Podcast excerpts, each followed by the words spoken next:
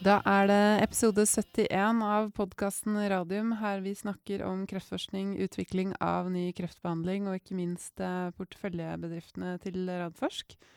Velkommen, Jonas Einarsson. Takk skal du ha, Elisabeth. Det er bare oss i studio i dag. Det er det. Ja, I dag skal vi leke politisk podkast. Ja. Jeg har gleda meg så fælt. Så jeg har hørt på alle politiske podkastene som jeg vanligvis pleier å høre på. Nei da, men uh, vi skal snakke om litt andre ting. Men uh, vi kan vel si at det skjer ikke mest på selskapsfronten. Nei, det er litt sånn uh, vente. Watch and wait. Watch and wait uh, nå. Uh, Targovax fikk eh, godkjent patentet Ja. på TG02, og Ja. det vil altså si at de nå igjen har et nytt patent som dekker hele TG-plattformen. Mm. Det opprinnelige TG01-patentet det går vel ut i år, tror jeg. Mm. Uh, mens TG02 er, for de som ikke vet det, er altså den samme miksen av peptider Mm. som i TG01, lagt til et nytt peptid, Mm. som da skal gjøre det enda sikrere når de bruker det i, spesielt i kolonkancer. Ja. Sånn at, eh, at da, da er plattformen sikret. Det er, det er godt. IPR er ekstremt viktig. Det er det. Jepp. Eh, andre ting av de tingene som har eh, skjedd siden sist, foruten eh, at det ikke har skjedd noe da utenom Targovax, eh, er at det var eh, åpen dag på Ullern videregående skole. Jeg hører rykter om at du var der. Jeg var til stede. Jeg var til stede.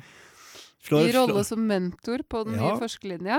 Det, det, det gleder jeg meg til. Ja. Uh, og, og ikke minst da med, med tre andre mentorer foreløpig. Ja. Uh, Øyvind Arnesen, Mhm. som våre lyttere har møtt flere ganger. Uh, Møtt og møtt, hørt i hvert fall. Styreleder i Oslo Cancercluster og sjef for Ultimovax. Ja. Og Bjørn Klem, som er sjefen for uh, inkubatoren vår. Mm. Uh, og ikke minst Simone. Mm. Uh, glapp etternavnet. men, Mester. Mester heter hun. Yeah. Simone Mester. Det er ordentlig moro. Hun Ja. er altså nå forsker i en av våre aller beste forskergrupper på universitetet. Inge Sandli og Bjarne Bogen, som står bak selskap. og ikke som minst Jan Terje Andersen. Ja, ikke sant? Ja. Og som da fra denne gruppen har annet Vaxibody og Nextella, Mm. to av Mm. selskapene våre, kommet. Eh, hun holdt med et kjempespennende prosjekt, Mhm. som jeg har veldig lyst til å høre mer om, men Mhm. det får jeg ikke lov til uh, foreløpig. Jeg Nei. bare forteller hva det Selv ikke du? Nei, hun forteller om XXX-faktoren. Ja, ja. Men uh, hvis den X-faktoren er, eh, viser seg å fungere som hun mener, så er det svært spennende. Mm. Men morsomt med Simone er jo at hun var en av de første elevene som uh, riktignok ikke gikk her fysisk, men på Ullern videregående skole da den Mm. var nede i Vika mens vi bygde denne. Hun var på utplassering Mm. eh, og fikk tenning for, eh, for dette, Mm. og er altså nå tilbake som forsker. Mm. Det er moro. Ja, og hun er ung, og øh, hun er en del av Spark, og i det hele tatt, jeg hører bare lovord om henne, Ja. så jeg tror vi kan spå henne en lysende forskningskarriere allerede. Det tror jeg òg. Det Ja. tror jeg absolutt. Ja. Eh, og denne forskerlinjen er jo noe jeg har ivra etter siden vi, siden vi bygde denne, dette bygget og, Ja. og denne koblingen. Ja. Jeg ivret jo for at dette skulle være et toppgymnas, eller mm. videregående skole heter det vel i dag, Ja. uh, innen realfag, forskning og gründervirksomhet. Mm. Men det fikk vi ikke lov til å si, da. Det var ikke politisk korrekt. Vi kunne si at vi hadde et topp idrettsgymnas, men Mm. ikke et topp realfagsgymnas. Men nå med en Tiden endrer seg Ja, det er utmerket. til det bedre. egen linje for å utdanne fremtidens forskere Forskere. og innovatører Ja. innen biomedisin. Ja. Og det er litt viktig Det å er si her, stilig. fordi det er flere forskerlinjer Mm. uh, i, på videregående skole i Oslo som sikkert er kjempespennende. Eh, men det er mer innen annen teknologi og, og litt andre retninger. Mm. Mens her er det innen biomedisin. Og snakket med mange elever i går på den Mm. eh, åpne dagen som var, var interessert. Mm. Eh, og det var liksom opptatt av ja, men jeg er mest interessert i fysikk. Mm. Eller jeg er mest interessert i kjemi. Mm. Eh, hvordan passer det inn her? Og da få forklart det at eh, i kreftforskning så trenger vi absolutt alle, ikke bare realfagene, men også IT og annen type teknologi. Matematikk. Vi har jo yep. hatt eh, Arnoldo Frigessi. Takk, takk. Navn. Ja. eh, her. Så vi ser liksom hvordan alle disse vitenskapene smelter sammen, Ja, og ja. skjønne at disse vitenskapene må smelte sammen Mm. på en tidlig stadium, som på videregående.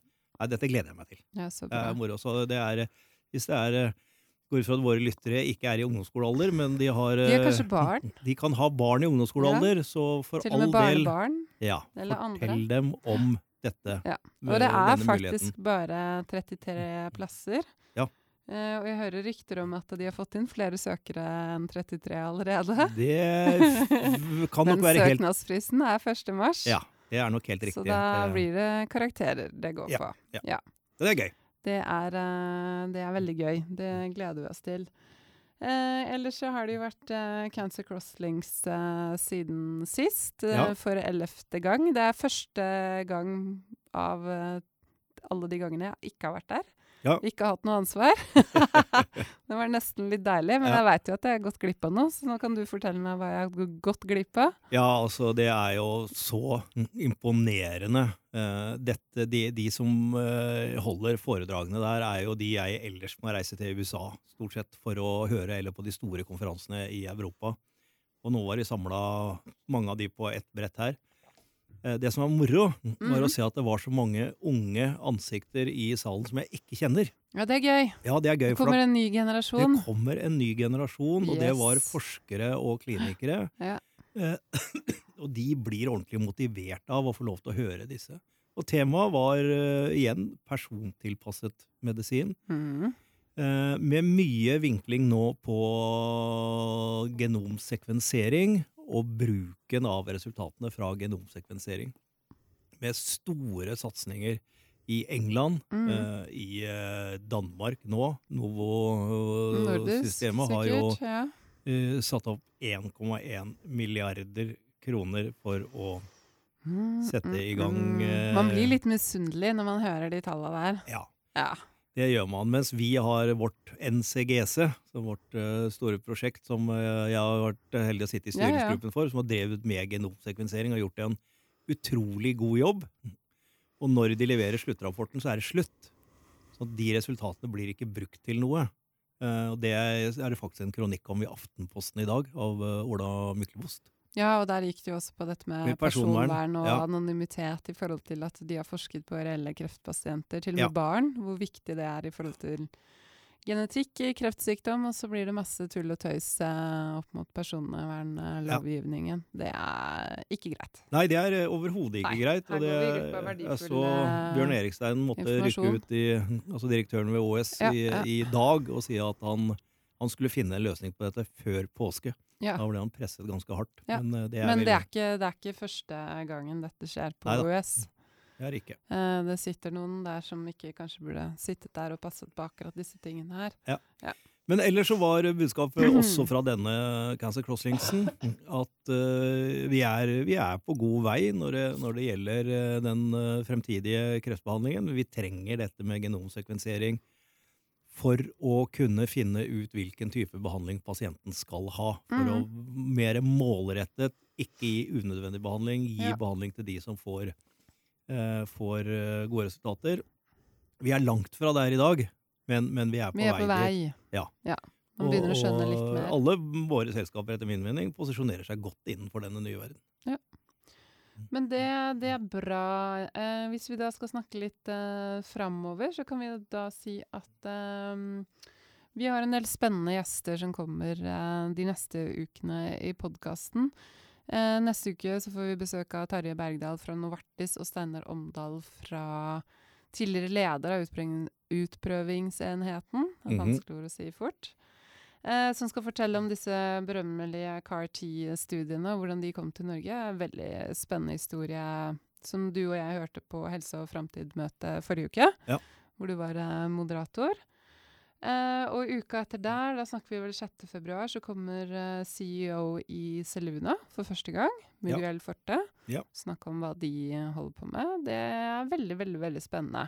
Det er kjempespennende. Dette er jo celleterapi. Mhm. eh, og det vi snakket om eh, på helse og, og fremtid, eh, var jo nettopp dette om hvordan vi kan tiltrekke oss enda mer studier innenfor CAR-T og dette som heter T-cellereseptorer, Mhm. TCR, som Joseluna driver med. Det kan vi ta mer om da. Vi har flere av den typen studier. Vi vil utvikle våre egne bedrifter innenfor det, og vi vil helst også kunne produsere disse T-cellene her. Det gjør vi ikke nå. Nå, nå gjør vi forarbeidet og etterarbeidet Vi, vi gjør pasienter, vi gjør ikke selve produksjonen av dette. Svært komplisert, Mhm. eh, men en utrolig spennende forskningsfelt. Mhm. Å forenkle denne prosessen og, og gjøre den mer eh, konkurransedyktig. Den, Ja, og i, i, og da, da er det snakk om tid og penger. Ja. Fordi det koster så mye i dag at det er et, det er et hinder. Jeg vet ikke hvor mye de betaler per barn med den uh, nye CAR-Tin som ble godkjent nå, men jeg, jeg vil tippe det er ganske mye penger. Ja. Uh, og på sikt, så hvis vi nå kommer dit at vi behandler én og én pasient med én og én medisin, så kan det ikke koste millioner per pasient. Så vi, vi må gjøre noe med det. Mm. Og vi i Radforsk og Oslo Cancer Cluster har veldig lyst til å være med på å få dette plassert i Norge. Ja. Og vi lanserte da der den, eh, en, en visjon, en Mhm. eh, målsetting, om Ja. at vi skal lage et nordisk senter for celleterapi og genomikk Mm.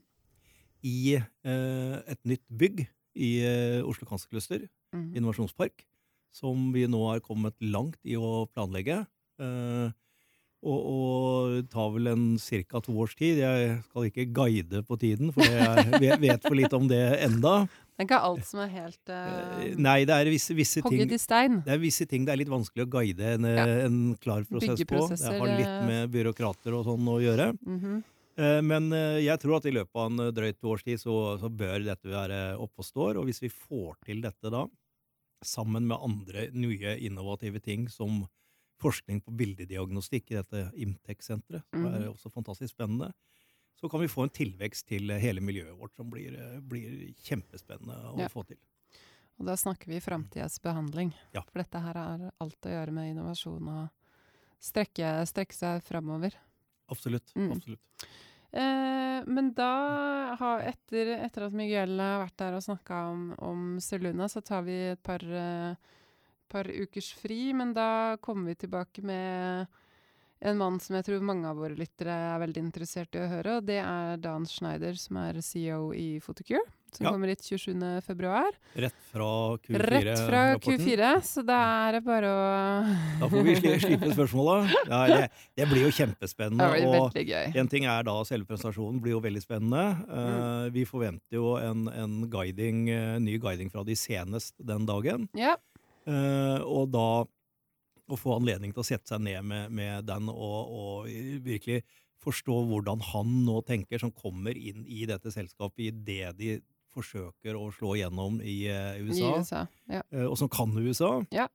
Og, og høre litt om hva han tenker seg. Mm. Klart at Den guidingen som kommer, den eh, tidligere så var jo det til 2021. Mm, Og jeg går ut ifra at de holder seg til det. mm, Men, men det er morsomt å utfordre han på det han liksom litt sa at eh, Når han var her og presenterte på, ja, på DNB-konferansen. Mm, rett før Eh, liksom litt sånn eh, Hva er, hva Mm. er liksom potensialet og muligheten eh, i, i USA? Og da sa han, eh, ikke sitert, men noe sånn som eh, Vi har jo 70 eh, i Danmark, så why not? Det er, det er ganske hårete. ja, det er et forferdelig hårete mål, og det er klart at det vet vi jo ikke. Men jeg utfordrer han litt på det, og høre altså, hvor, hvor, hvordan ser han på det? Hva, Mm. Dette jeg har argumentert for, at jeg skjønner ikke at de ikke skal bruke det. Altså, det, det å være urolog, og du har nå også i outpatient setting, altså poliklinisk setting, Mm. mulighet til å bruke blålys, og når du da Mm. ser de Resultatene. som er kommet, du har en refusjon på dette, Mm. så skjønner jeg liksom ikke, som gammel allmennpraktiker, at hvis jeg hadde, som pasientbehandler, at jeg hadde hatt et sånt verktøy, så ville jeg jo brukt det. Mm. Men det er jo tydeligvis det tar så lang tid, så er det hurdles her. Virker som det er en konservatisme ute og ja, går. Ja, og det er eh, morsomt å utfordre han litt på det. Hva, mm. hva, hva sier disse urologene? Mm. Sier de at ja, dette vil vi og står i kø, eller sier de at nja, er det mm. nå så mye bedre? Er disse resultatene så gode? Er det andre hurdles her? Mm. Det, det, har vært morsomt å, å utfordre han litt på. Ja. 27. februar, eh, Bare sende inn spørsmål både til eh, da om Photocure og for så vidt om, om Seluna også. Så bare noterer vi det fortløpende. Men da I går så fikk eh, Norge en ny og utvidet regjering. Yep. De har blitt mobba mye for å være fryktelig mange statsråder. Det skal ikke vi ta dem på. Eh, vi er vel egentlig ganske letta over at Bent Høie sitter fremdeles som helseminister. Ja. Var litt nervøs for at de skulle bytte ut eh, han. Ja, altså ikke, ikke fordi at uh, jeg har noen uh, sånn at jeg helst vil ha en helseminister eller næringsminister fra den ene eller den andre siden uh, i dette. Eh, men fordi at jeg eh, er veldig opptatt av at vi har mest mulig forutsigbarhet i det vi jobber med. Ja. Og da er jo tiden fra helsenæringsmeldingen kommer i april og ut den stortingsperioden er jo for oss svært viktig for å få på plass ting sånn at bedriftene våre og selskapene våre kan vokse. Mm. Og da er det selvsagt lettere å forholde seg til det vi, vi vet vi har. Det vil bli litt sånn bedre, men vi, vet, hva vi har, vi vet ikke hva vi får. Nei. Nei, men det, det som jeg også satt og tenkte litt på, var at uh, Bent Høie holdt jo sykehustalen sin forrige uke, var det vel. Uh, og det er jo faktisk sjette gang han holder den, så han er jo en av de helseministrene som har sittet uh, lengst nå. Ja. og han Og så leste jeg en kommentar i, i Dagens Medisin av Anne Hafstad, som er jo en ringrev på feltet, Mm. som jeg syns var ganske god analyse i forhold til det at hun berømmet Høie for å være veldig tydelig på hva han har lykkes med, og hva han ikke har lykkes med. Ja. Eh, persontilpassa medisin, det, det sa han jo også i podkasten, syns han er kjempevanskelig. Og Ja. han, han får ikke helt med seg sykehusene på den. Og veit ikke helt hva de skal gjøre for å sette inn grep der. Og så er det andre ting som han virkelig har lykkes med. Altså, han gjør jo voldsomt mye bra innafor kliniske studier, som er veldig viktig for Ja. Våre selskaper, og ikke minst for eh, kreftpasienter. Han har etablert eh, Ekspertpanelet. Ja. Og ikke minst, altså det var jo ikke han som kom opp med pakkeforløpene. Eh, det var det vel Jonas Gahr Støre som innførte, men han har gjennomført det, og det fungerer. Altså du får jo en forutsigbarhet som pasient Ja, som du ikke hadde tidligere. Ja, uten tvil. Jeg har, har familie og venner som, som får, får kreftdiagnoser, og, og måten de blir tatt imot og tatt vare på nå etter at pakkeforløpet var kommet, er jo som natt og dag i forhold Ja. til hvordan det var før. Så absolutt. Uh, ja, sånn at det å, å liksom følge det arbeidet hans nå videre, sammen med Torbjørn Røe Isaksen da, som næringsminister på helsenæringsmeldingen, det blir veldig spennende. Ja. Uh, nå har de vel sagt at den blir lagt fram sånn rundt påske, før påske-ish. Ja. ja. Eh, men det Vi var jo på dette møtet Helse og Framtid, hvor statssekretær i Nærings- og fiskeridepartementet var, Magnus Thue. Ja. Eh, og det var jo veldig positive, de tingene han sier. Han ville jo ikke røpe så mye. Men, men da, han innførte jo det begrepet med at helsenæringen er en næring med trippelgevinst. Ja, ja. Eh, tidligere så har vi hatt dobbelt, men nå putta han på eksportinntekter. Eh, fordi de bedriftene som faktisk produserer og utvikler ting, de eksporterer for ganske mange milliarder eh, Ja. kroner. Ja. Så det, det er jo morsomt. Ja, det er, det er både morsomt og viktig, fordi eh, vi må også ha det argumentet med eh, for at dette på en måte kan slå nok eh, politisk. Og da begynner vi å få ganske mange departementer yep. som bør være interessert i dette. Ja. Kunnskap, næring, helse, Forskning. Finans. Finans, ikke minst. ja. Når de begynner å se at det kommer penger inn. Ikke sant?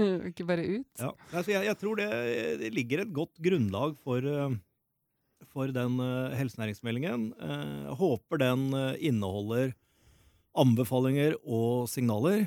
Ja, At den er litt tydelig. Ja. At ikke det er sånn beskrivelse av uh, hva det er. Det, det, det, er jo det de ofte kan være. Den, bestemmer, den kommer ikke til å si 'vi skal gjøre', Nei. men den sier nok heller at 'vi bør gjøre'. Ja, vi bør Eh, utrede at uh, vi bør skal. utrede. Eh, Men da er det jo vår jobb, da.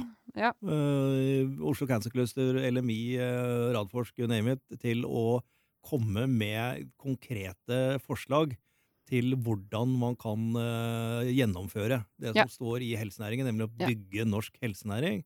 Og da kommer jo vi til å virkelig forsøke å flagge vårt initiativ med dette nordiske senteret, som jeg snakket Ja, om tidligere. ja. Det, for det kan jo være en veldig viktig del av den. Kryssa på mange, mange punkter uh, der. Um, men hvis vi skal tilbake til, uh, til regjeringen og denne Granavolden-erklæringen, Ja. Eh, så har jo den blitt tatt imot med virkelig jubel av, eh, av industrien. Altså LMI var jo helt over seg sjeldent eh, positivt eh, fra Carita Bekkemellem eh, Ja. i forhold til eh, politikken der. Eh, og vi er jo ikke så, vi er jo ikke så lite begeistra, vi heller. Vi er faktisk kjempebegeistra. Ja, jeg er både Jeg er faktisk litt overraska Ja. i positiv sånn eh, forbløffet. retning. For uh, når jeg sitter og leser og leste disse hovedpunktene mm -hmm. uh, fra, fra plattformen, så begynte jeg å sette haker både her og der Ja. eh, over ting som vi har jobbet for og jobber for i, i Oslo Cancer Cluster og, og i eh, Radforsk. Eh, og det, det eget punkt da selvfølgelig med at eh, de skal legge frem denne meldingen, mm. helsenæringsmeldingen. Eh, og, og også da følge opp industrimeldingen, som jo da, da slår seg sammen, men på en måte samme, altså Helsenæringsmeldingen er på en måte litt en del av det, Mm. og, og det, det samme. Og, og mange punkter som, som understreker viktigheten av gründervirksomhet, av at vi får gründervirksomhet og, og spesialisering inn i eh, utdanningen, som jo da Mm. forskerlinja er et uh, godt eksempel på. Ja. Uh, se på dette med opsjonsbeskatningen, uh, som jo vi er Mye for rammevilkår for gründere her. ja, my, mye rammevilkår Ja. for, for Ja. gründere, og jeg syns det er, er veldig fint. Og det er, som som jeg sier, det er, det er mange, mange punkter her. Mm. Eh, og, og det er, eh, det er jeg egentlig veldig, veldig glad for. Det er jo også det, det er sånn fem-seks punkter på rad her som tilrettelegger for kommersialisering av forskningsresultater. Det er vel det vi driver med. Legge til rette for næringsklynger som drivkraft for innovasjon. Oslo Cancer Cluster kan vel være et Ja. brukbart eksempel på at det er, eh, at det er et flaggskip innen det. Så, så nei, jeg, jeg, jeg ser litt positivt på det nå, jeg. At det er, eh, kan være en mulighet for å, å virkelig få litt gjennomslag for, eh, for dette. Mm. Ja, fordi det som jeg merker at eh, man kan si hva man vil om, om de politiske partiene og politiske spillet som har pågått. Uh, men, men det som jeg merker at jeg begynner å bli litt redd for i forhold til om man ser på den andre sida, ser på opposisjonen, er at du har en del partier der som ikke er så positive i forhold til eh, privat-offentlig samspill, private helsetjenester. Eh, det kommer fort opp noen ord som er velferdsprofitører, som jeg syns er ganske ekkelt eh, ord. Ja. Eh, betyr jo at du sitter der og, og på en måte tjener på at noen andre har det, har det dårlig. Um, og det er også et veldig sånn Hva skal man si for noe? Det er ikke et riktig stempel på, på denne bransjen i, i det hele tatt. Neida, vi var jo Man må ha, klare å ha to tanker i hodet samtidig, og Ja. det syns ikke jeg at nødvendigvis eh, en del politikere i Arbeiderpartiet og SV og Rødt for den saks skyld klarer. Nå er jeg erklært partipolitisk nøytral. Så, Ja, det er vel men, jeg eh, også, pri, Prinsipielt Ja. så, så syns jeg at vi må ta tak i disse trolla, som Ja. uh, overlegen på Rikshospitalet. Som jo har fått utposisjonere seg i Dagens Næringsliv. Ja, du tenker til, på en viss låke? Ja, opptil flere ganger om Mm. eh, hvor eh, utrolig farlig og skummel denne legemiddelindustrien, som vi jo er en del av, Ja ja, norske biotekselskaper, eh, er, og de bør holdes lengst mulig unna sykehus og pasienter. Og det er Jeg syns det er en svært uheldig holdning.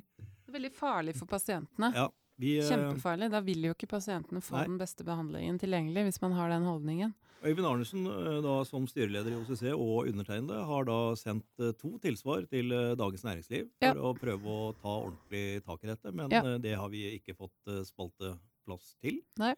Så han har egentlig fått lov til å boltre seg litt med dette. Det syns jeg også er litt rart, men det kan man liksom furte over at kronikken sin ikke kommer inn. Men, eh, men det er Var den godt å skrevet?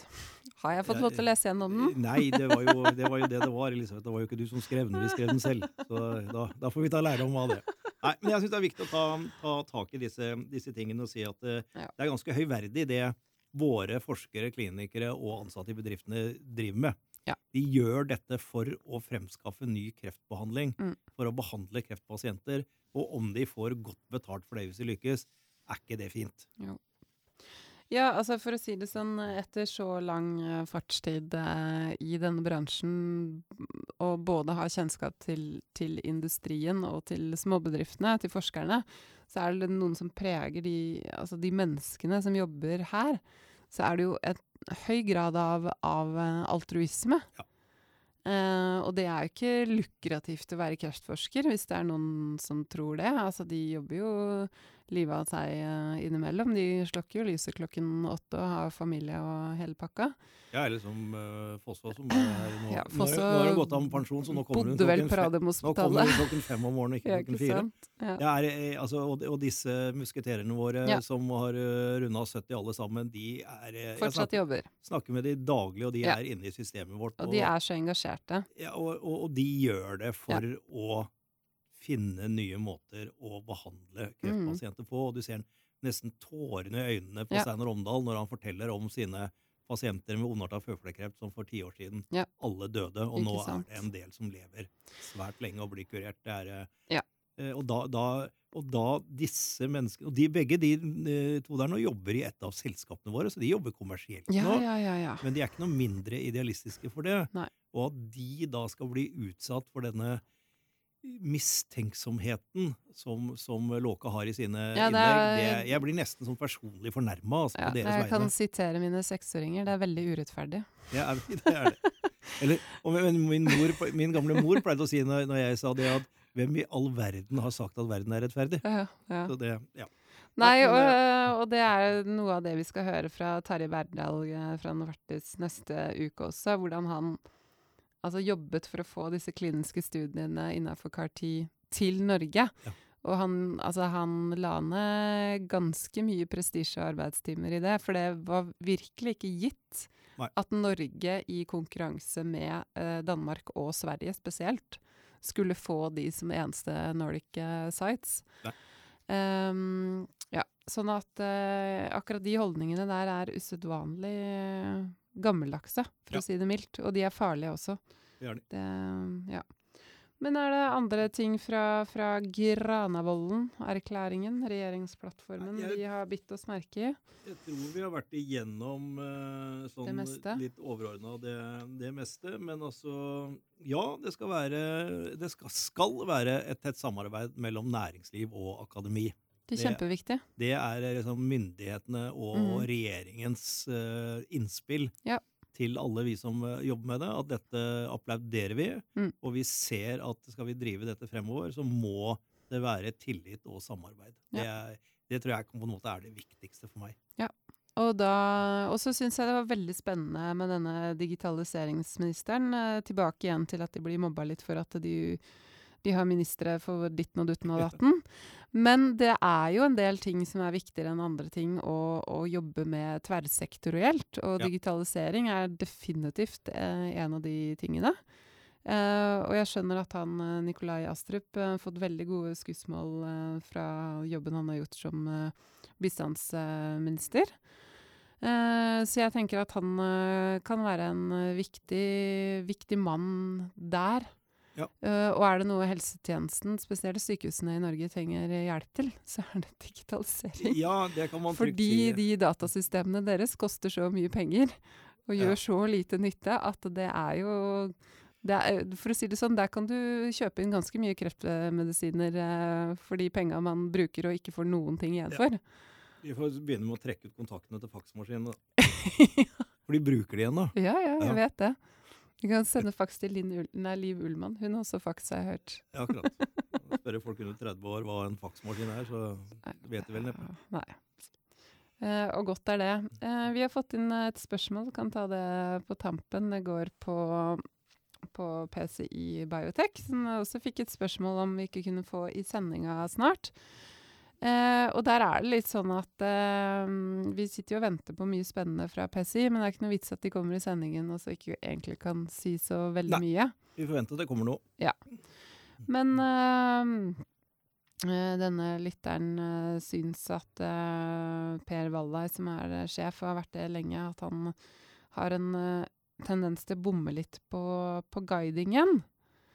Eh, men at han har liksom blitt flinkere til å ikke love for mye Eh, men at eh, Ja, han er litt frustrert over at ting er forsinka, rett og slett. Ja, jeg Hva skjønner det. er din kommentar til det? Nei, min kommentar til det er at man må bite seg merke i hva som skjer, og hvordan prosessene er i denne type selskaper. Vi sitter i disse selskapene og legger planer. Hva er den beste kliniske studien å gjøre? Hvordan skal den best eh, gjennomføres for å gi oss de dataene vi trenger for å få dette legemiddelet ut på markedet? Og så må vi jo fortelle hva vi tenker. Mm. Og da sier vi at sånn som vi ser situasjonen i dag, så mener vi at det riktige for dette selskapet er å få godkjent en studie sånn og sånn.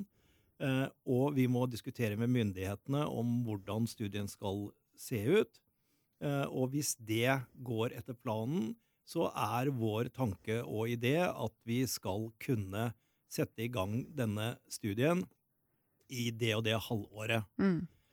Det er under forutsetning av at alt går etter planen. Mm. Eh, og det er det vi må kommunisere. Mm. Det vi må passe på å være flinke til hele tiden, det er å si Nå har vi fått tilbakemelding fra FDA om at vi faktisk, i PCIs tilfelle, har en mulighet til å legge opp til en studie som er mye bedre enn det vi hadde trodd.